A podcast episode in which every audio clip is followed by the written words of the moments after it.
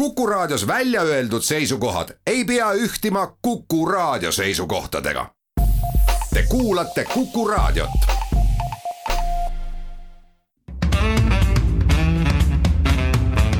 muuli ja Riikoja tere päevast, head kuulajad, kell on seitse minutit üksteist läbi ja käes on saate Muuli ja Riikoja aeg ehk Kalle Muuli, Hindrek Riikoja on stuudios kohal. tere päevast. alustame tänast saadet koroona teemadega, värske statistika on tulnud, koolid on algamas, erinevad majandussektorid paluvad abi ja nii edasi, nii edasi, nii edasi. teiseks räägime Aivar Mäe lahkumisest Estonia teatri eesotsast.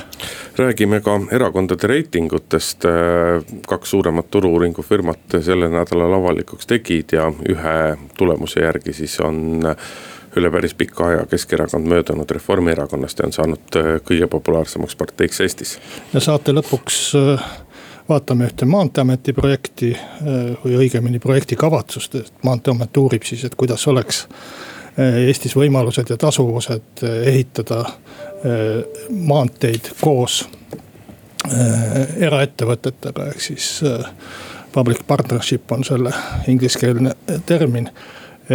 esiotsa on tellitud uuring selle kohta, et, et kas selline asi oleks võimalik ja tasuv. muuli ja Riikoja terviseametist on tulnud värske ööpäeva statistika koroonaviirust puudutav ja eilse või viimase ööpäevaga siis lisandus kaheksateist positiivset testi ja see arvnäitaja saja tuhande inimese kohta haigestumuse arv viimase neljateist päeva jooksul on tõusnud kaheteist koma viie peale. mis on ikkagi nii-öelda noh, ta on, ta on viimase nädala-kahe jooksul järjepanu üles liikunud ja ja on tõusnud ikkagi päris kõrgele, mäletatavasti siis Eesti on seadnud eh, piiri, et eh, riigis, kus seesama näitaja on kuusteist või kõrgem. sealt tulijad peavad jääma kaheks nädalaks eh, karantiini ja kui näitaja on kõrgem kui kakskümmend viis, siis ei saa sealt riigist Eestisse, Eestisse lennata arvestades, et järgmisel nädalal on kooliaasta algamas, esimese hooga peaksid kõik lapsed, kõik tudengid minema kooli sest need eh, numbrid on muidugi üksjagu murettekitavad ja noh, ainus, mis on nagu positiivne, see on ka see, millega Eesti ametkonnad püüavad eh, siin põhjanaabreid ehk soomlasi veenda, et soomlased Eestile täiendavaid piiranguid ei kehtestaks, on see, et meil on väga selged koroonakolded ehk ei ole niimoodi, et äh, iga iga päev jaotab nii-öelda nagu uued haigestunud kuidagi ühtlaselt Eesti peale laiali, vaid on väga selgelt äh, Tartumaa on hakanud kergelt tagasi tõmbama, tõmbama, aga asemele on tulnud Ida-Virumaa mitu kollet ja, ja natuke siin Harjumaal ka. jah, äh, kummaline olukord, kus üksainus Jõhvi keldripaar piltlikult öeldes või kujundlikult öeldes, võib-olla natuke liialdades ja lihtsustades. võib tekitada olukorra, kus äh, terve Eesti on lukus, mitte küll oma maavalitsuse poolt lukku pandud, aga teiste riikide valitsuste poolt et piirid on ju kahepoolsed asjad ja üksinda ei, ei saa neid lahti hoida, kui naabrid ei taha lahti hoida, selles mõttes ega me ei saa soomlastega pahandada, kui nad äh, ütlevad mingi äh, piiri ületamise korral äh,. ma mõtlen numbrilise piiri ületamise korral, et nüüd on nagu see meie poolt ette nähtud mõõt täis. see mõõt tegelikult on ammu täis ja see on minu meelest nende poolt väga mõistlik ja, ja heatahtlik ja, ja normaalne samm et nad ei ole seda äh, sõiduvõimalust Eesti ja Soome vahel sulgenud. tõsi on küll ka see, et nad on lubanud, et nad vaatavad iga kahe nädala tagant äh, seda äh, arvu üle ja langetavad siis otsuse, nii et me ei tea, mis see otsus tuleb siis, kui nad järgmine kord vaatavad seda, aga see oleks noh, ma ei taha nii tugevaid sõnu kasutada, oleks tahtnud ütelda praegu katastroof Eesti jaoks, kui me Soome, Soomega uuesti nagu kontakti kaotame ja, ja inimesed enam liikuda ei saa ja soomlased siia ei saa tulla meie majandust turgutama. aga ta oleks ikkagi väga ränk löök, sest äh, ükskõik, kuidas see viirus meil siin äh, muutub edaspidi, kuidas see number meil langeb. võib-olla see Jõhvi kolle kaob ära, aga selle piiri lahti tegemine uuesti ja need kahjud, mis sellest tekivad. noh, laevaühendused ja, ja kõik, mis katkevad siis, et see on ikkagi nii suur löök, et, et ma loodan küll, et soomlased väga põhjalikult kaaluvad, enne kui nad selle otsuse langetavad. no vaata, tekkinud on nii-öelda Eesti ja Soome vahelisi suhteid vaadates on tekkinud selles mõttes selline äraspidine olukord, et viimased pea kümmekond aastat. või vabandust, pea kolmkümmend aastat me oleme kogu aeg saanud rääkida sellest, kuidas soomlased käivad Eestis ja turgutavad siinset majandust, aga sellel suvel on olnud ikkagi väga selge ka see, et eestlased käivad Soomes ja turgutavad sealset majandust, ühest küljest nii-öelda töötajad. keda ikkagi, kelle hulka mõõdetakse kümnetes tuhandetes, kes käivad eh, Eestist Soome tööl. ja teiselt poolt sellel aastal ka turistid, sest et väga selgelt eestlaste osakaal Soome turismis on kasvanud nii majutustes, sööbimises, tarbimises kui kõiges, et selles mõttes ka, ka, ka see, et seekord on ka eestlased väga olulised soomlastele no, seda, mitte vastupidi. seda, see on tõsi, mis sa räägid, aga eks seda mõjutab ka seesama koroona viirus, kui sul turistide arv on üldse langenud. ei, just nimelt, siis, no, siis Riiagi sa... kohta öeldakse ju, et, et see on sellel suvel olnud nagu Eesti linn kogu aeg. siis sa hakkad igast eestlasest lugu pidama lõpuks, ei pea neid ainult mingiks maasikakorjajateks. et ja, ja eks Soome majandus ole ju samamoodi raskes olukorras nagu Eesti majandus ja selles mõttes iga asi, mis turgutab seda majandust. On, on väga teretulnud ja eks soomlaste jaoks on see liiklus täpselt sama, noh põhimõtteliselt sama tähtis kui Eesti jaoks, et aga noh, isegi kui me sellest Jõhvi koldest nüüd jagu saame ja tundub, et saame jagu, et iial ei tea ju seda ette ennustada, kuidas seal läheb et kohe on tulemas esimene september mitusada kooli avavad uksed, kuhu kogunevad noh, väiksematesse koolidesse seal mõnikümmend last või sada last. suurematesse tuhanded lapsed. et ma arvan, et see oht, et meil tekib neid koldeid juurde just koolide kaudu, on, on mõnel ajal, mõnel hetkel päris Äh, päris suur. et kui sul ikkagi nii, nii suur hulk neid koole ja, ja lapsi koos on, et kuskil ikkagi võib tekkida see olukord, et keegi saadab oma koroonase lapse kooli. ja see jõuab seal enne ikka päris paljusid äh, nakatada, kui, kui ta kindlaks tehakse, et ta haige on ja nii edasi. no mina valdava osa äh, lapsevanemate tervesse mõistusesse siiski väga selgelt usun, sest et ma julgen öelda, et enamus lapsevanemaid on väga huvitatud sellest, et koolid töötaksid nii-öelda enam-vähem tavapärases režiimis ja sellist nii-öelda kaugõpet või distantsõpet või kuidas seda iganes nimetada, nagu see kevadel mitu kuud oli. et sellist asja enam ei korduks, et mina, mina küll ei tea ühtegi lapsevanemat, vist ainult ühte lapsevanemat tean, kes on sinna ajalehtede veergudelgi no vot, vot kui tore on, et sa oled hakanud uskuma Eesti inimestesse, nagu mina olen siin kogu aeg rääkinud, et ma usun Eesti inimestesse teise pensionisamba juures ja paljude muude küsimuste. ma jagan su usku oh,. No see on tore jah, see on tore, ma ei tea, kas see muidugi kiituseks mul on, et, et ma. ma, mina, ma, ma, ma tegelikult usun ka eh, Eesti lastevanematesse ja, ja, ja Eesti lastesse ka ja Eesti, Eesti kooliõpetajatesse usun veel kõige rohkem. aga mul on siiralt kahju koolijuhtidest ja kooliõpetajatest, sellepärast et need juhendid, mis siiamaani on andnud haridusministeerium, ehk et mida riik on andnud eh, koolidele selle kohta, kuidas oma õppetöö korraldada. on ikkagi pehmelt öeldes olnud lünklikud, et mitte öelda olematud, et tegelikult peab iga, peab iga kool iseenda jaoks tegema sellise rätsepa lahenduse, kus ta enda tunde järgi siis katsub nii-öelda. katsub võimalikult vähe, võimalikult väikeseks viia seda riski äh, seda riski, et, et kuidagi võiks koolis mingisugune nakkuspuhang nagu alguse saada. ja aega on selleks koolidel ikkagi olnud, noh, pole ju kahte nädalatki olnud, aga aga noh, ei ole haridusministeeri poolt selgeid juhiseid tulnud, et, et noh, kui lugeda ka seda paberit, mis nii-öelda koolidele laiali saadeti, noh, see on. ainsad konkreetsed asjad on seal see, et, et kui kümme protsenti kooliõpilastest või, või ütleme siis kooliperest kümme protsenti on haigestunud, siis pannakse kool tervikuna kinni. ja kui üks laps ühes klassis, et siis läheb see klass paariks nädalaks koduõppele aga, aga muud konkreetsust, et kuidas seda teha. noh, siin on räägitud ventilatsiooniseadmetest, maskide kandmisest, kuidas hajutada, kuidas äh, jagada, ma ei tea, kehalise kasvatuse tunde laiali, kuidas jagada söögivahetunde laiali ja nii edasi, nii edasi, nii edasi. seda ei ole ju koolidele ette antud, et, et öeldakse, et nii-öelda koolipidaja peab selle eest hoolitsema, aga noh aga, ma arvan, et äh, ma olen sinuga selle väitega olen nõus, et ei ole väga konkreetseid juhiseid peale kolme-nelja äh, täpse ja selge kõigile ühtmoodi asja. aga selles ongi probleem, et, et ilmselt neid ühesuguseid juhiseid ei saagi anda, need koolid on nii erinevad, kui sa kujutad ette väikest maakooli mõnekümne õpilasega ja kujutad ette pooleteist tuhandelist äh, linnakooli. mõnes koolis käivad õpilased vahetustega, mõnes on suured spordisaalid, mõnes neid ei ole. Koridorid on erinevad, liikumisvõimalused on erinevad, klasside täituvused, mõnes koolis on, on ületäitunud ja mõnes ei jätku õpilasi. absoluutselt, aga selle jaoks saab koolid jagada, jagada erinevatesse gruppidesse, on siis, siis suuruse järgi, on siis kasutatavate ruumide järgi ja nii edasi nii edasi nii edasi. haridusministeeriumis on terve majatäis ametnikke, kes seda ja, saavad teha aga, koolis on sellega direktori, õppealajuhataja. aga miks sa, miks sa arvad, et, et terve majatäis kuskil kaugel istuvaid ametnikke on konkreetse kooli jaoks äh, targem ja mõistlikum lahendus kui oma direktor, kes ma arvan, on kõige, kõige targem ei, selles koolis. ma olen sinuga tõesti nõus, aga ega ma ei tahagi öelda, et kõik peab olema viimse detailini reguleeritud. aga märksa rohkem nagu selgust peab, üks asi on selgust ja teine asi on ka lahti seletamist, mis asjad on need, mida me peame ära hoidma, mille vastu me peame võitlema.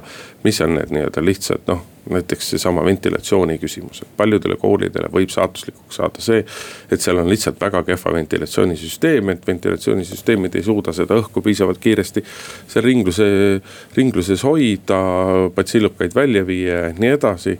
teistes koolides ei ole seda, et noh aga, aga see on kõik selline, see kahjuks taandub kõik nagu targutamisele, et lõpuks peavad ikkagi, peavad koolid ise nagu tegema ja ja annaks lihtsalt jumala, et keegi ei hakka mingi hetk nagu siis mingisuguseid tegema koolide puhul mingeid näidishukkamisi ja näidispoomisi, et vot küll selles koolis ei olnud mitte midagi tehtud ja tadairada, tadairada. oleks võinud teha hoopis nii, naa, kolmandat, neljandat ja viiendat moodi, et. no selles mõttes on need äh, suhteliselt vähesed reeglid head, et äh, ütleme siis seda, mida sa siin kirjeldasid, äh, mingit karistamist saab teha ju ainult reeglite rikkumise korral ja, ja selgete reeglite rikkumise korral. et kui keegi tõesti kinni ei pane oma kooli kümne protsendi täituvuse korral, et siis, siis saab midagi karistada. aga mis ma tahan ütelda, esimene september, ma arvan, et peaks sel aastal koolides algama sellega et äh, õpetajad, õpetajad seletavad õpilastele, kuidas käituda väga põhjalikult ja, ja, ja selle, selle õppimist alustatakse koolis esimese asjana ja samamoodi seletavad õpetajad klassivanemate või lapsevanemate koosolekutel seda, kuidas lapsevanemad peavad käituma, millal nad lapse saadavad kooli ja millal nad ei saada. ja minu arust võiks esimesel äh, septembril ära jätta suured aktused, et esimene klass ja lõpuklass, sellest ma saan aru. aga teistel klassidel võiks täiesti piisata ka, ka klassijuhataja tunnist, teeme siin väikese pausi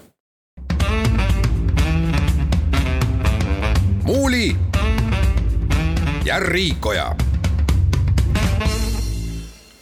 kooli kõrval on teine suur probleem ikkagi nii-öelda majanduse probleem, analüütikutel ei ole küll selge millised need mõjud saavad olema, milline oli teises kvartalis, milline on kolmandas kvartalis kriisi mõju, aga väga mitmed sektorid, noh, kõige suuremalt loomulikult turismisektor on juba nii-öelda tulnud välja taotlusega, et et äh, abi neile tuleks jätkata, turismisektori puhul räägitakse siis äh, kuni kevadeni kokku ligi üheksakümnest miljonist eurost. eks see nii-öelda majandussektorite toetamine on ühest küljest on see nii-öelda nagu sotsiaalne ettevõtmine, aga teisest küljest on see ikkagi ka väga selgelt riigile nii-öelda arvutamise ja majanduse küsimus, et. Et kui, et, et kas sa lased mingi, kui sa lased mingisugusel sektoril noh, ütleme väga kõvasti kärpuda, siis kui palju tulevikus jääb sul nii-öelda tulusid saamata. Või on need tulevikutulud nagu piisavalt olulised ja piisavalt suured, et tänasel hetkel on mõistlik riigi poolt sinna ka investeerida. et ma nüüd ei ole kindel, et kui selle turismisektoris räägitakse, eks ole, kuni üheksakümnest miljonist, et, et kõike seda riigi poolt tulema peaks aga tõenäoliselt noh, mingisugune abi siiski on igal juhul mõistlik. no siin tuleb arvestada kindlasti seda, et olukord võrreldes kevadega on muutunud, kevadel ma mõtlen eriolukorra alguses ju keegi ei teadnud, mis tuleb. ja siis lähtuti eeldusest, et see kriis on väga äkiliselt tulnud, ettevõtted ei ole jõudnud kohaneda. esiteks ja et see kriis, sügav kriis kestab lühikest aega, paar-kolm kuud, üks-kaks kuud. ja, ja et ettevõtetel on vaja siis natuke toetust selle aja üleelamiseks ja siis läheb kõik jälle normaalsesse rööpasse tagasi. praegu on ju vaade Äh, natuke teistsugune. praegu me räägime, et me peame õppima koroonaga koos elama. Mis tähendab, et ka ettevõtted peavad õppima koroonaga koos elama või viirusega koos elama. Ja, ja see tähendab seda ikkagi, et majandus peab kohanema. E, ei saa olla nii, et me igavesti hoiame neid tühje hotellikohti maksumaksja raha eest üleval ja ma arvan küll, et kui vaade on selline, et enne järgmist kevadet kindlasti ei ole lootust, et neid turiste hakkab rohkem tulema, siis tuleb lihtsalt hotellikohti vähem teha. ei, kui sul kliente ei ole, siis äri ajada ei saa.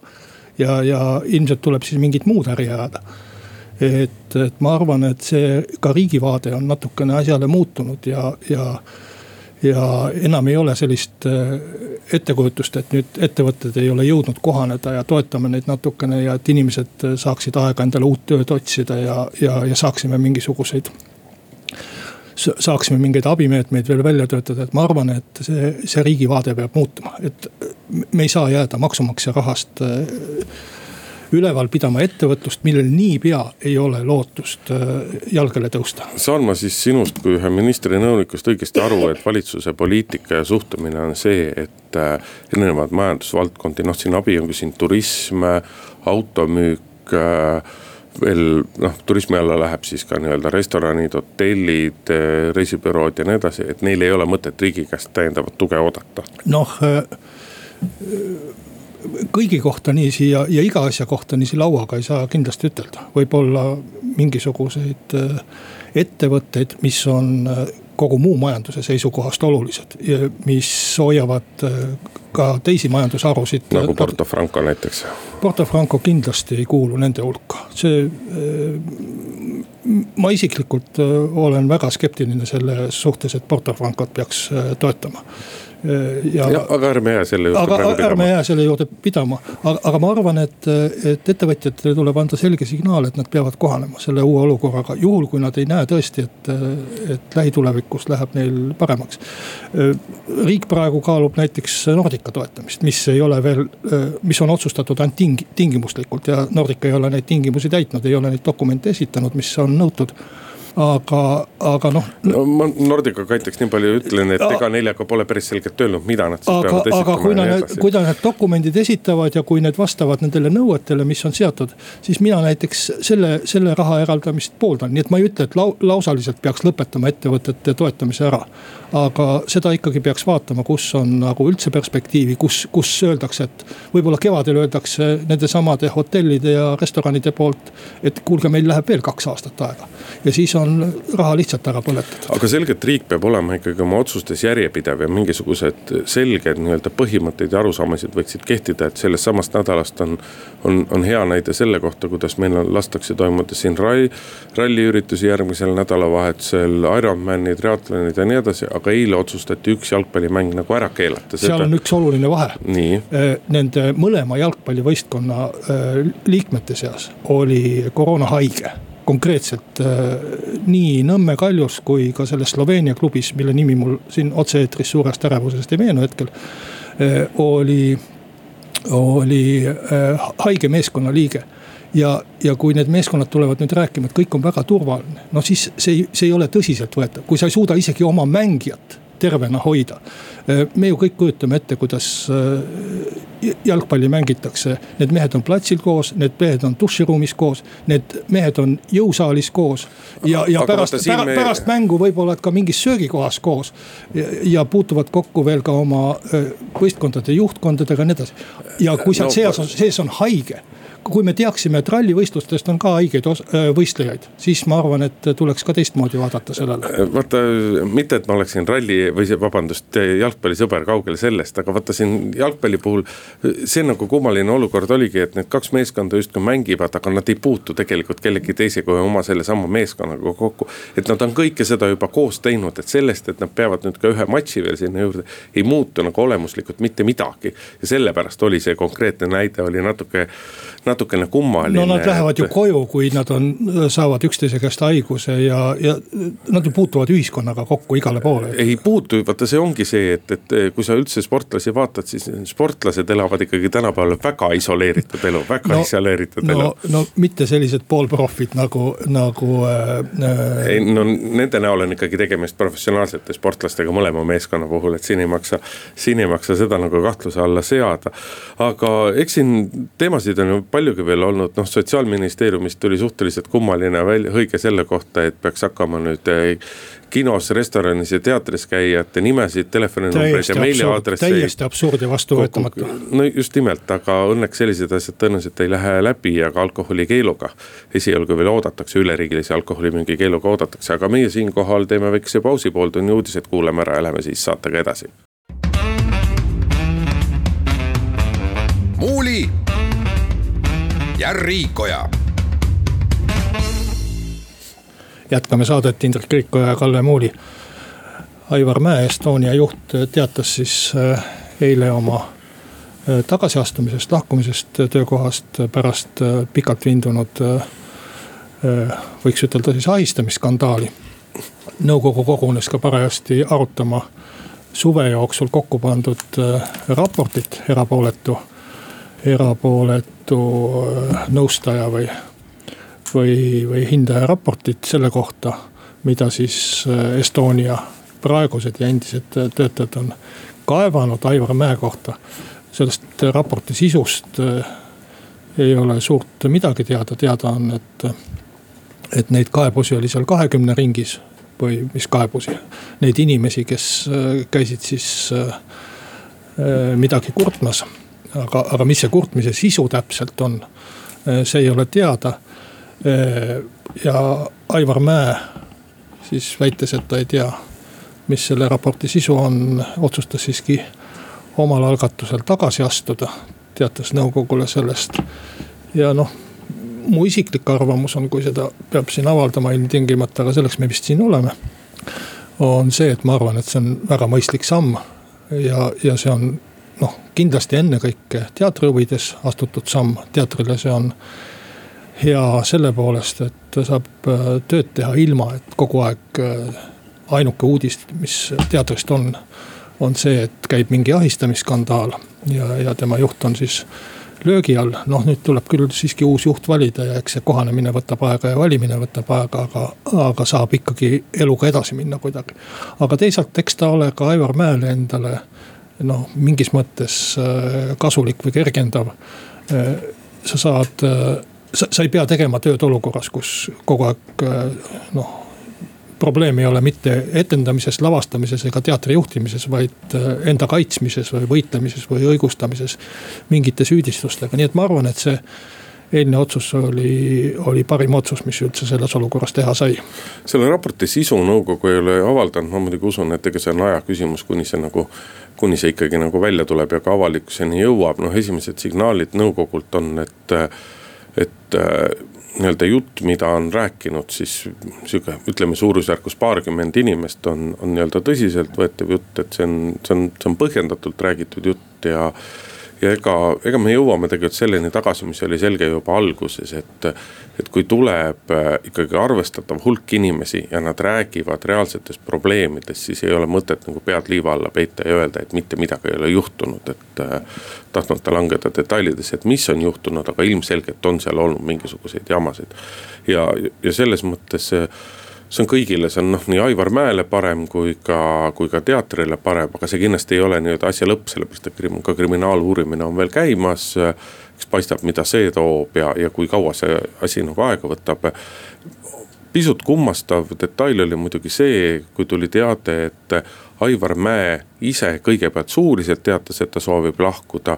siis esitas ka ametliku lahkumisavalduse, sellele järgnes teade, et lahkutakse poolte kokkuleppel ja Aivar Mäe saab siis äh, nii-öelda lahkumishüvitiseks poole aasta palga ehk pea nelikümmend tuhat eurot siin oleks tahtnud väga nõukogu käest kuulda nagu detaile, et kas see lahkumishüvitis tuleneb äh, circa üksteist aastat tagasi sõlmitud töölepingust, kas seal oli kirjas, et lahkumise korral makstakse siis ühte või teistsugust hüvitist. või oli see nüüd otsustatud, et äh, makstakse ka seda hüvitist ja kui see otsus tuli nagu nüüd, siis on küll ikka väga pentsik ja väga kummaline, et kui üks inimene tahab, reeglina ikkagi niimoodi, et kui inimene tahab ise ära minna, siis keegi ei hakka talle midagi maksma. et makstakse siis, kui seda näeb ette tööleping või tahetakse inimesest lahti saada ja tööandja on võim-, valmis selle nimel midagi nii-öelda seda kuidagi, seda minekut kuidagi rahaliselt nagu motiveerima, et, tavaolukorras ja tavaloogika järgi nagu ei peaks sellist lahkumishüvitist maksma ja no, seda peab nõukogu kindlasti selgitama, kust see lahkumishüvitis ja millest see tuleb. veelgi enam, et kui see ei olnud töölepingust tulenev ja kahju, et uudistes sellised detailid ei kajastu, et seda võiks tegelikult ju küsida, ega see ei saa mingi saladusega ega mingi noh konfidentsiaalsusega kaetud säte selles lepingus olla juhul, kui ta on lepingus ja juhul, kui ta lepingus ei ole, siis seda enam on ta avalik et äh, üks ja sama sündmus, üks ja sama summa, üks ja sama asi, aga, aga tõlgendus minu meelest sellele, et kust ta tuleb. Äh, või sellest sõltuvalt, et kust ta tuleb, on, on täiesti erinev, et kui see on. no nagu tegelikult eile ka küsiti, et kas sellise lahkumishüvitise maksmine on eetiline või mitte. ma ütleks, et kui, kui see on äh, üksteist aastat tagasi töölepingus kokku lepitud ja seda makstakse lepingu täitmiseks, siis see on igati korrektne Äh, Eesti on õigusriik ja lepinguid ja seadusi tuleb täita.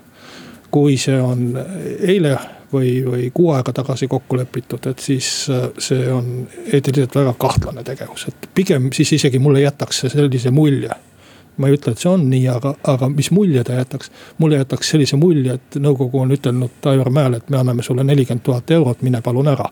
et see, see näeks välja äh, hästi halb. aga noh, eks siis ootame ära ja kuidas see selgub, aga minu meelest nii või teisiti. kui, kui selle summa pärast hakata Aivar Mäe kallal tänitama, see on vale tema ise ei maksa endale seda summat, et selle kindlasti otsustasid teised inimesed ei no tuleb meeles pidada ikkagi, kuidas see kaunis ütelus on, et loll ei ole mitte see, kes küsib, vaid loll on see, kes annab. ja antud puhul on see näite, mida tahaks muidugi uurimisorganitele südamele peale panna, et et selle uurimise võiks nüüd küll läbi viia nagu võimalikult, äh, võimalikult kiiresti, sellepärast et nii saavad äh, kui nii-öelda selle tulemus on selge, siis, siis eluga saavad edasi, paremini edasi minna kõik, nii Aivar Mäe, teater kui süüdistajad, kui, kui kes iganes.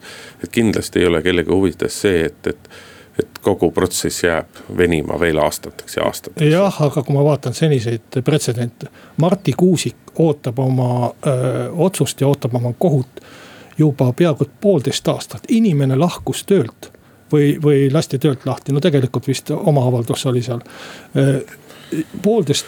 tema ikkagi lahkus ise. poolteist aastat tagasi räägitakse ja prokurör on siiski tunduvalt vähem kui poolteist aastat tagasi ja, ja eks siin natuke on süüdi ka see koroonaaeg, mis on just nimelt seda kohtupidamist edasi, edasi lükanud. süüdistus jõuti, jõudis kohtusse juba eelmisel sügisel, ma arvan, et septembri või augustikuus otsustati kevadel protsessi pidada ja sa vaatad mulle sellise kahtlustava näoga otsa, et ma eksin faktides, aga ei eksi. see süüdistus istub seal kohtus juba aasta otsa ehk siis on põhjust rääkida mitte uurimisorganist, vaid kohtu ja panna asju südamele kohtule, mitte uurimisorganitele. kusjuures äh, prokurör on ju öelnud, et äh, tegemist on ainult ühe juhtumiga, ühe kuriteo episoodiga, milles teda süüdistatakse. nii et see asi ei saa ka väga keeruline olla, hõlmata äh, tuhandeid inimesi ja, ja rahvusvahelist koostööd mida tuuakse tavaliselt põhjenduseks, et kui, kui asjad venivad ja, ja keerulised on. et ja, ja endise ministri kohtuasi ja selline suhtumine, täiesti uskumatu.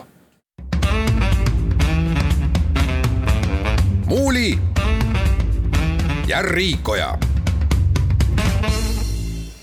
jätkame saadet, äh, räägime vist üle pika aja võin ütelda või äh, erakondade reitingutest, eelkõige siis. Äh, siin suvise lapukurgil me ka ühe korra rääkisime reitingutest, aga üldiselt. aga eriti vist mitte eriti innukalt ja, ja. seda mitte.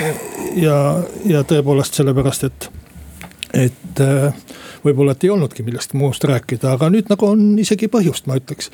et turu-uuringute, see on siis Eesti Rahvusringhäälingu poolt tellitud uuring tõi tõesti mitmes mõttes suure muutuse, esiteks muutus nii-öelda reitingutabeli liider. ja, ja teiseks oli ka suur, ma ei mäletagi, et oleks viimati või viimastel aastatel olnud nii suurt muutust ühe või kahe kuu jooksul, tegelikult oli tegemist kahe kuu muutusega. ühe erakonna, ükskõik mis erakonna, kas tõusus või languses. nimelt Reformierakonnale siis on reitinguagentuur mõõtnud äh, võrreldes juunikuuga kümne protsendi punkti suurust äh, langust reitingus, oli enne kolmkümmend kolm, nüüd on kakskümmend kolm. ja põhiliselt selle tõttu, et siis Reformierakonna reiting selles küsitluses on langenud, on siis Keskerakond temast möödunud. on siis Keskerakonnal kakskümmend kuus ja, ja oli juunis kakskümmend seitse. teistel erakondadel siis EKRE-l kakskümmend ka eh, mõõdukas tõus kuskilt kuueteist protsendi pealt sotsiaaldemokraatidel kümme, eh, Eesti kakssada üheksa, Isamaa viis ma ütlen omalt poolt siia ette selle, mis ma olen alati reitingutest rääkinud, et ütelda, et ma olen alati skeptiliselt suhtunud äh, nii äh, sellesse, kuidas neid uuringuid tehakse. kui ka sellesse, mida nende uuringu tulemustega peale hakatakse, et äh, iga erakond teab, et leiva peale seda määrida ei saa mitte ühegi töövahendiga. ja sellepärast ma arvan, et ka väga palju nendest sellistest reitingu uudistest on, on lihtsalt tühjad uudised ja need ei mõjuta Eesti elu mitte kuidagi isegi selle kümne protsendi puhul, mis praegu on kukkumine. Ma arvan, et siit ei järgne mingit äh, poliitilist äh, tagajärge, isegi nii suure muutuse pealt. Äh, võib-olla kõige rohkem, mis nagu juhtub, on see, et äkki Reformierakond teeb mingi turundusplaani. kulutab mingi sada tuhat või kakssada tuhat eurot ära, aga Eesti inimeste elu see kuidagi ei mõjuta. no täna ei juhtu veel midagi, aga kui kuu aja pärast peaksid need trendid olema jätkuvalt samasugused, siis hakkab väga selgelt mõjutama, sellepärast et me oleme sisendanud. ja, ja sõna otseses mõttes mõjutama Eesti elu, sest et me oleme ikkagi sisenemas nii-öelda sellisesse teravasse valimiseelsesse aega nõks rohkem kui aasta pärast on kohalike omavalitsuste valimised ja seetõttu nii-öelda erakondade reitingud hakkavad ka muutuma erakondadele märksa olulisemaks, kui nad on, on siiamaani olnud. aga kui nüüd katsuda seda lahti mõtestada, seda Reformierakonna ja Keskerakonna nii-öelda kohavahetust, siis iseenesest on ta loogiline, Keskerakonnas on juba ammu ammu ja tegelikult ka poliitvaatlejad on nagu ammu oodanud seda, et arvestades, et valitsus ei ole mitte ideaalselt, aga kindlasti mitte kõige kehvemini koroonakriisiga hakkama saanud, siis on ammu seda oodatud, et. et valitsuserakondade seis reitingutes läheks paremaks.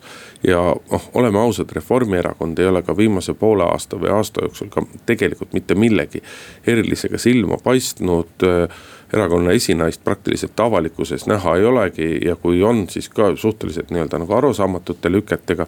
jah, siin Jürgen Ligi on nüüd suvi läbi olnud pildis pisut äh, sellega, mis puudutab siis äh, rahandusministeeriumi valitud nagu nõustajat võimaliku rahapesu hüvitise saamise suhtes, et seal on Jürgen Ligi pildis olnud.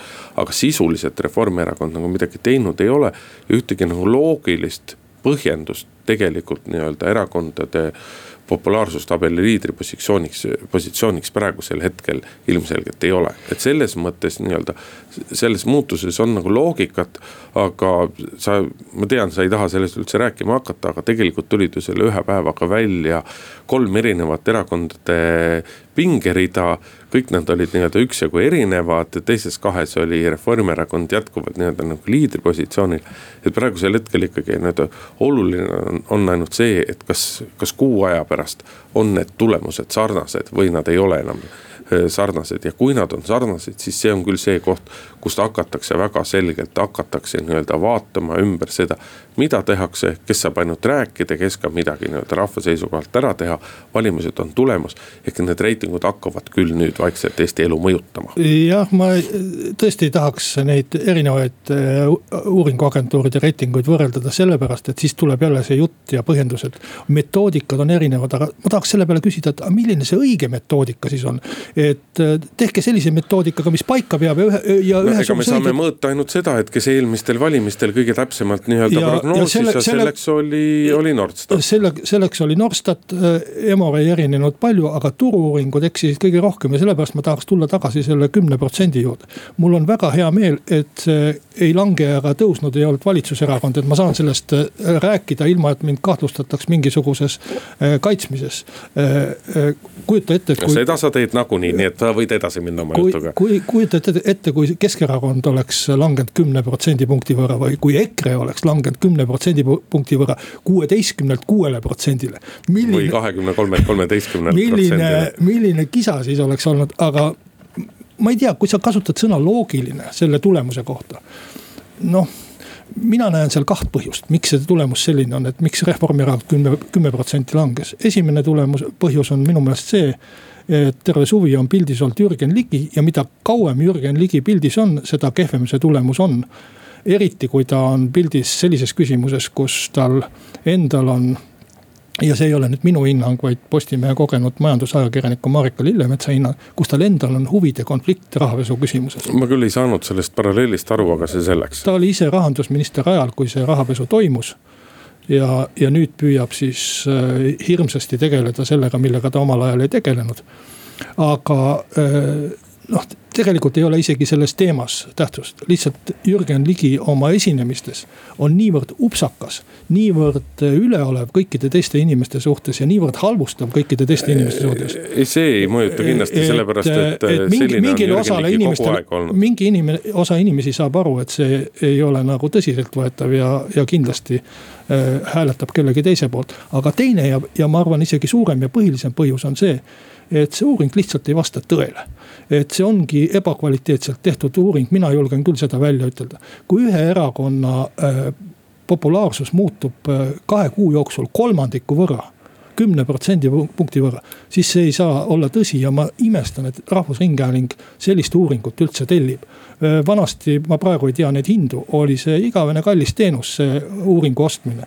ja, ja selle eest ma tahaksin küll saada kvaliteetset kaupa, aga mitte seda, et et äh, protsendid äh, kümne, kümne võrra kõiguvad iga kuu et äh, Rahvusringhäälingu nõukogu selle asemel, et seal võib-olla Ahto Lobjakaga võidelda, võiks vaadata parem neid numbreid, mille eest Rahvusringhääling neid reitinguid tellib ja kas, kas peaks reitingu koostajat vahetama või üldse sellest teenusest loobuma. mina, mina igatahes ei näe sellise kauba ostmisel küll mingit mõtet. muuli ja Riikoja saate lõpetuseks räägime pisut sellest, kuidas teid ehitada ja kuidas seda era- ja riigisektori koostöös teha, et tuli keeruline teade pealkirjaga rahandusministeerium koostöös maanteeameti ja riigi tugikeskust, tugiteenuste keskusega kuulutas välja konsultatsiooniteenuse hanke Libatse-Nurme teelõigu PPP pilootprojekti ehitamiseks. noh, ega vist enamik kuulajaid ei saanud aru, mis sa ütlesid. no sisuliselt tähendab see ju seda, et kui seni on ehitanud äh, teid ikkagi nii-öelda ehitanud jah, on eraettevõtted, aga töid on tellinud maanteeamet ehk siis sisuliselt riik, siis äh, viimased poolteist aastat on räägitud rahandusminister Martin Helme eestvõttel sellest, kuidas nii-öelda päästerõngaks on see, et riigi nii-öelda laenukoormus ja kohustuste koormus liiga suureks ei lähe. et laseme ehitada äh, eratei- või teid laseme ehitada hoopis eraettevõtetele ja hakkame siis riigi poolt pärast neile nii-öelda kasutustasu maksma. et äh, öeldud on, et mujal maailmas seda väga palju tehakse, see on tõsi, aga antud kontekstis poolenisti, sest et reeglina tehakse sellisel viisil koostöös neid teelõike, kuhu kehtestatakse ka teemaks, ehk igaüks, kes seal sõita tahab, peab siis maksma, noh reeglina see tasu ei ole suur, eks ole, siin euro paar-kolm võib-olla siis ühekordse läbimise eest. aga selle eest igal juhul tuleb maksta, noh Eestis ma ei kujuta päris täpselt ette seda, et me hakkaksime põhimaanteede peale lisa ehitama tasulisi trasse, sest et sellisel juhul seal igal juhul peavad olema ka tasuta trassid ehk ehitada tuleb siis nii-öelda. olemas on üks tee ja piltlikult öeldes tuleb kaks teed juurde ehitada minu arust riik peab siin väga selgelt nii-öelda kalkuleerima, jah, üks küsimus on see, et milline on see meie riigi enda võlakoormus, kui palju seda saab paisutada ja kas selle arvelt saab niimoodi asju teha. aga teine pool on see, et väga selgelt ju, et kui, et kui on olemas, kui on olemas riik koostööd teevad riik ja erasektor, siis erasektor ei tähenda ainult ehitajat, vaid ka projektijuhti, arendajat, kuidas me iganes teda tahame nimetama, nimetada. ja tema tahab saada sealt ka oma kasumiosa juurde. ehk äh, piltlikult öeldes igaüks võtab sealt nii-öelda täiendava seibi ja selle võrra läheb riigi jaoks see, see teenus kallimaks, arvestades, kui odavalt riik on tänasel hetkel saab laenu võtta, siis teede ehitus võiks kindlasti olla üks see prioriteet, kuhu riik võiks nagu laenu laenu võtta ja selle eest nagu teid korda teha? ma arvan, et ma kunagi olen äh, võib-olla et aasta või paar tagasi ütelnud, et seda äh, koostööd eraettevõttega äh, ehk PPP-d võiks kaaluda, võiks uurida. ja, ja kindlasti mõni raadiokuulaja, kes seda mäletab, neid on vähe, ma loodan ütleb, et näed, mis ta siis kunagi rääkis ja mis ta nüüd räägib. aga olukord on kardinaalselt muutunud, et ma arvan, et see PPP kaalumine ja uurimine on mõistlik olukorras, kus laen on kallis ja kus riigieelarve peab olema kindlasti tasakaalus. et, et me ei saa nagu tulevikku ära kulutada ja, ja tol või sellises olukorras ma kindlasti pean mõistlikuks vähemalt selle asja uurimist ja, ja kaalumist ja analüüside tegemist. praeguses olukorras, kus raha on väga odav või, või isegi miinusintressiga, vähemalt nulliga. ja kus noh, meil ei ole ka riigieelarve tasakaalu mõttes äh, probleemi mingisuguse viie miljardi kulutamisega. no nii palju ei ole Eesti riik ka laenanud ja, ja veel kulutanud, aga kus tal on antud volitus selle tegemiseks valitsusele. et ma, ma ei näe praeguses olukorras sellel PPP-l erilist mõtet. seda võiks uurida või analüüsida ainult selleks puhuks, et kui tulevikus tekib olukord, kus meil on laenud kallid ja. ja, ja, ja riigieelarve on vaja tasakaalu viia. et, et siis vaadata äh, seda asja, aga praeguses koroonakriisi aegses või järgses olukorras, kus noh, sisuliselt piiramatult võib Eesti laenu võtta ja kus ei vaadata ka viltu sellele, kui me seda laenu kulutame nii, et riigieelarve on miinuses. ei näe ma mingisugust sellist PPP äh, vajadust, et ehitame riigi raha eest nii palju, kui kulub tee-ehitusprojektid on väga kallid, nad maksavad mitte kümneid miljoneid, vaid tihtipeale sadu miljoneid eurosid ja kui sinna nüüd lisada juurde, ma ei tea, selle eraettevõtja kasumimarginaal täiendavad viis protsenti või. Või mingil juhul isegi kümme protsenti, sest et kui me vaatame seniseid projekte, mida neid niimoodi on tehtud, näiteks Tallinna koolid. osad siis seal on nii-öelda see erasektori kasumimarginaal on ikkagi olnud noh, ma julgen öelda, et väga priske ja väga korralik ehk äh, kaugelt rohkem kui kümme protsenti. tol hetkel see võis isegi mõistlik olla, ehkki lepingutega tõmmati linnale kott pähe. no just, et selles mõttes see on väga arvestatav lisada, lisaraha, mis sealt tuleb, aga siinkohal meie saateaeg on otsas, Kalle Muuli, Hindrek Riik olid stuudios, nädala aja pärast kuuleme jälle. Muuli ja Riikoja